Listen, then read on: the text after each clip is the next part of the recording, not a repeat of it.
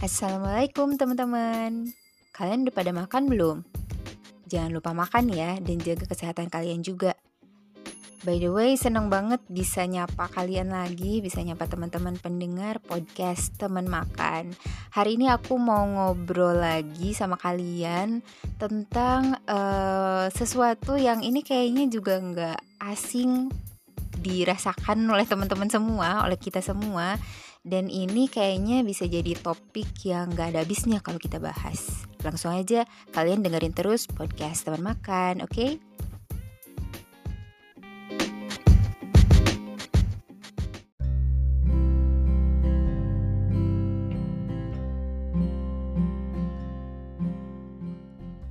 Beberapa waktu lalu ada sebuah postingan yang lewat di beranda Instagram aku. Kalimatnya tuh gini, apa yang cocok di kamu adalah formula yang memang cocoknya di kamu, tapi nggak selalu tepat jika diberikan ke orang lain. Nah, aku jadi punya pertanyaan setelah baca itu kan. Gimana ya caranya kita bisa ngeracik formula yang cocok sama diri kita sendiri? Atau kalau ibaratkan ini sebuah resep masakan gimana sih caranya kita bikin resep yang pas banget untuk lidah kita kalau lihat dari beberapa jawaban teman-teman um, aku nemuin beberapa jawaban yang kayaknya ini boleh deh untuk di-share gitu supaya ini bisa jadi opini tambahan untuk kalian juga atau bisa jadi kalian punya opini yang sama. Oke, yang pertama katanya gini, kalau cocok 100% sih belum untuk formulanya. Tapi aku pengen coba fit in dengan apa yang ada sama diri aku sendiri dan open buat semua kemungkinan yang akan terjadi. Ada nggak nih yang punya opini yang sama kayak statement barusan? Oke, yang kedua harus uh, harus self confidence dulu. Terus belajar dengan situasi dan kondisi yang muncul. Terus menerus mempelajari uh, menyesuaikan diri, beradaptasi dengan situasi dan kondisi. Nah, ini jawaban yang ketiga, ya berjalan by proses aja.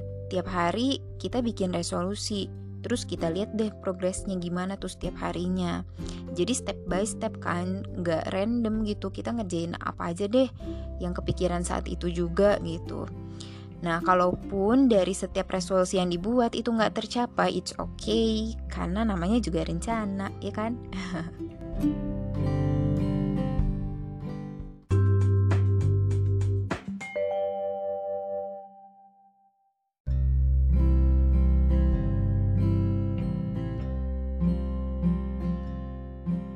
Pernah nggak sih kalian meracik sesuatu atau bikin sesuatu, tapi kalian nggak berhenti sampai percobaan pertama?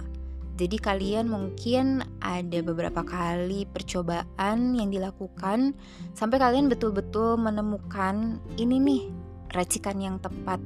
Kalau aku sih kebayangnya uh, analogi yang terlintas ya ini langsung uh, membuat kue. Kalau misalkan bikin kue, kita kan harus eh bisa jadi nggak nggak percobaan pertama langsung jadi gitu kan kecuali kalau memang sudah ada resep sebelumnya yang dibuat dan itu terbukti uh, selesainya juga dengan bagus dengan cantik gitu kan kalau kita ikutin step by stepnya bisa jadi kita dapat juga hasil yang sama. Tapi kan kita juga nggak bisa nih uh, menyamakan Mungkin kondisi bahan-bahan yang dipilih, atau peralatan, kebersihan, atau waktu memanggang kuehnya, misal gitu, yang uh, itu bisa jadi faktor-faktor uh, penyelesaian yang berbeda, hasil akhir yang berbeda gitu kan. Nah, sama mungkin halnya dengan meracik formula untuk hidupnya kita kalau bahan-bahan yang ada pun beda, faktor-faktor yang terjadi pun beda, kita nggak bisa nih menyamakan hasilnya harus sama. Kita nggak bisa ngebandingin lagi nih hidup kita sama hidupnya orang-orang di sekitar kita. Mereka ABC kenapa kita uh, eh, XYZ misal? Um, kenapa kita nggak ABC juga? ABC menurut kita bisa jadi beda dengan ABC menurut merek mereka gitu kan? Jadi memang formula ini kalau kita mau ngeracik boleh banget, tapi jangan sampai kita lupa kalau diri kita ini yang menggenggam adalah Tuhannya kita. Dan kita, ya aku setuju banget nih sama uh, statement-statement tadi nih teman-teman yang sudah kasih opini-opininya.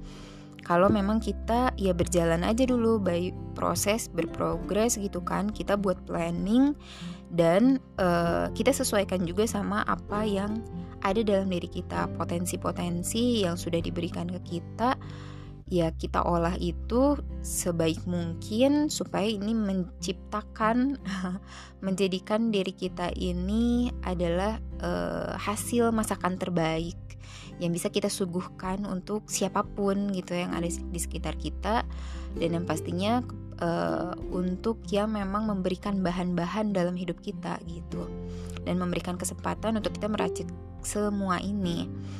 Nah, uh, kalau kita bicara tentang formula ini, menurut aku ini nggak akan jauh-jauh bahas uh, apa ya?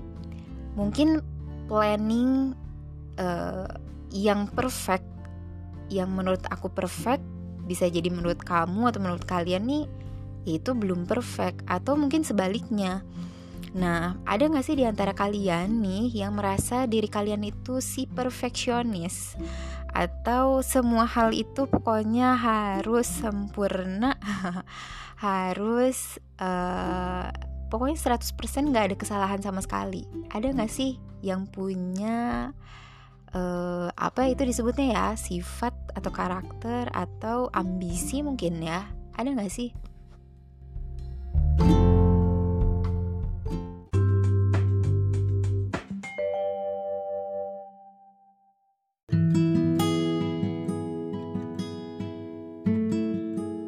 Oke, tentang perfeksionis ini ada beberapa pernyataan yang udah aku catat dari teman-teman um, dan aku pengen share ini ke kalian supaya ini bisa jadi reminder juga buat kita dan bisa jadi penguat juga untuk menentukan langkah ke depannya kita mau ambil langkah yang mana nih supaya lebih ajek aja gitu langkah kita apa ya ajek tuh ya uh, lebih lebih kokoh lebih lebih mantap lagi gitu untuk melangkah. Oke, pernyataan yang pertama Hmm, aku lihat postingannya Kak Fardiandi. Kalian bisa lihat. Uh, mungkin kalau untuk teman-teman yang suka ngikutin Instagramnya juga, akunnya @fardiandi. Uh, katanya ya kita nggak apa-apa jadi manusia yang perfeksionis, jadi manusia yang ambis. Tapi jangan pernah lupa ada yang namanya fase dalam kehidupan kita. Jadi kamu tuh nggak selamanya jadi manusia yang penuh pencapaian Nah pernyataan ini buat aku uh, ngena banget karena memang uh, tipe perfeksionis itu ketika kita ingin semuanya itu penuh dalam uh, goal atau pencapaian. Semuanya harus tercapai semuanya harus uh, didapatkan dengan hasil yang sempurna yang matang gitu kan. Tapi ya jangan lupa juga betul kita punya fase fase di mana kita sedang berproses, fase mungkin kita lagi up atau lagi down gitu kan. Jadi kita nggak bisa terus menerus uh, memposisikan bahwa kita harus terus 100% goalnya tercapai karena kita ini bukan penentu hidup kita uh, berjalannya hidup kita karena ada yang memperjalankan hidup kita ada yang mengizinkan terjadinya ini dan itu dalam kehidupannya kita. Oke, okay, next uh, ke pernyataan berikutnya. Uh, kita tuh perlu kok jadi ambis untuk capai goal, tapi nggak bisa sendirian atau barengan, tapi circle-nya nggak termasuk orang-orang yang ambis. So harus ada circle yang tepat, yaitu uh, orang-orang yang tepat juga di dalamnya yang bakal bantu manage keambisannya Nah, ini kayaknya uh, setuju juga sih. Karena memang kalau kita ambis sendirian doang, kayaknya berat gitu ya. Mungkin kita nggak akan punya supporter yang bisa uh, mengiringi langkah keambisannya kita, ya nggak sih?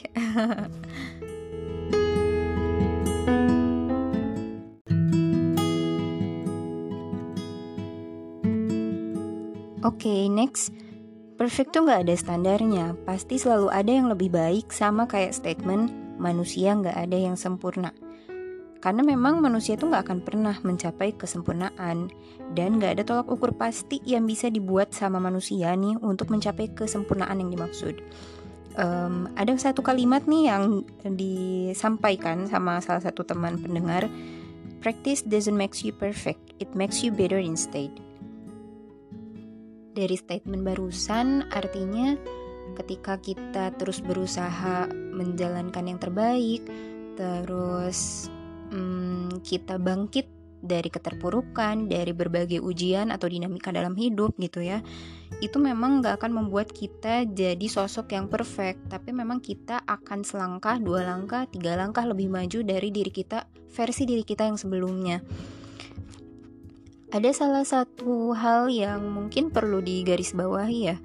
Kalau uh, perfeksionis ini, yang perfect dari manusia itu kan sebenarnya potensi yang melekat dalam dirinya sebagai um, sesuatu yang diciptakan oleh sang pencipta. Logisnya nih ya, kita menggunakan potensinya itu sesuai dengan petunjuk penggunaan yang menciptakan, iya nggak sih? Um, mungkin kayak handphone nih yang kita pakai sekarang. Kita gunakan sesuai dengan petunjuk penggunaan uh, eh, HP masing-masing kan. Uh, merek apa pun itu pasti punya petunjuk penggunaannya tersendiri dan kita ikuti itu maka kita bisa mengoptimalkan penggunaannya. Nah begitupun dengan potensi yang melekat dalam diri kita. Ya tadi ya logisnya berarti kita gunakan standar yang sesuai dengan sang pencipta. Ini harus di, di digunakan seperti apa, potensi yang kita miliki, diasahnya seperti apa, bagaimana caranya gitu kan. Tapi realitanya standar itu dibuatnya sama kita-kita ini nih, yang alhasil muncul banyak was-was yang bikin kita goyah untuk mencapai goal. Um, Sebenarnya sah-sah aja gitu ya kita set goal yang perfect menurut menurut siapa itu dan dalam perspektif apa kalau memang um, goal yang di set itu perfect itu jadi acuan. Supaya kita bisa capai titik goalnya. Tapi kita bakal capek sendiri kalau kitanya belum bisa berdamai dengan keadaan kita. Karena perfect itu memang bagus. Tapi kalau kita belum menerima ketika di situ ada campur tangan Tuhan ketika di goal yang kita buat uh, kita kita banyak list goal yang memang kita cap kita ingin mencapai semuanya ini di uh, garis perfect semuanya maka kita harus sadar juga bahwa ini ada campur tangan Tuhan. Dan perfectnya kita dalam menentukan goal kita ini juga harus dilandasi dengan landasan seperti apa. Kita nggak bisa dong seenaknya kita. Kita nggak bisa uh, ingin set goal ini ya pokoknya sesuai dengan ego kita aja nih. Kita mau kayak gimana ya terserah gue gitu ya. Kita nggak bisa kan berarti melakukan sesuatu itu hanya berdasarkan ego hanya berdasarkan keinginan diri. Tapi kita kembalikan lagi apa yang harus kita lakukan sebenarnya. Uh, perfeksionis ini apakah ini yang akan menjauhkan kita dengan Tuhan kita atau justru dengan perfeksionis ini ini yang akan menjadikan kita terpacu untuk semakin dekat dengan Tuhan kita. So, kalau kamu termasuk si perfeksionis, pastikan perfeksionisnya kamu ini apakah ini yang akan membuat kamu tumbuh berkembang atau ini justru akan menghancurkan berbagai hal dalam diri kamu. Oke? Okay? Terima kasih sudah mendengarkan podcast teman makan episode hari ini. Uh, kalian tunggu aja episode-episode berikutnya. Terima kasih. Assalamualaikum.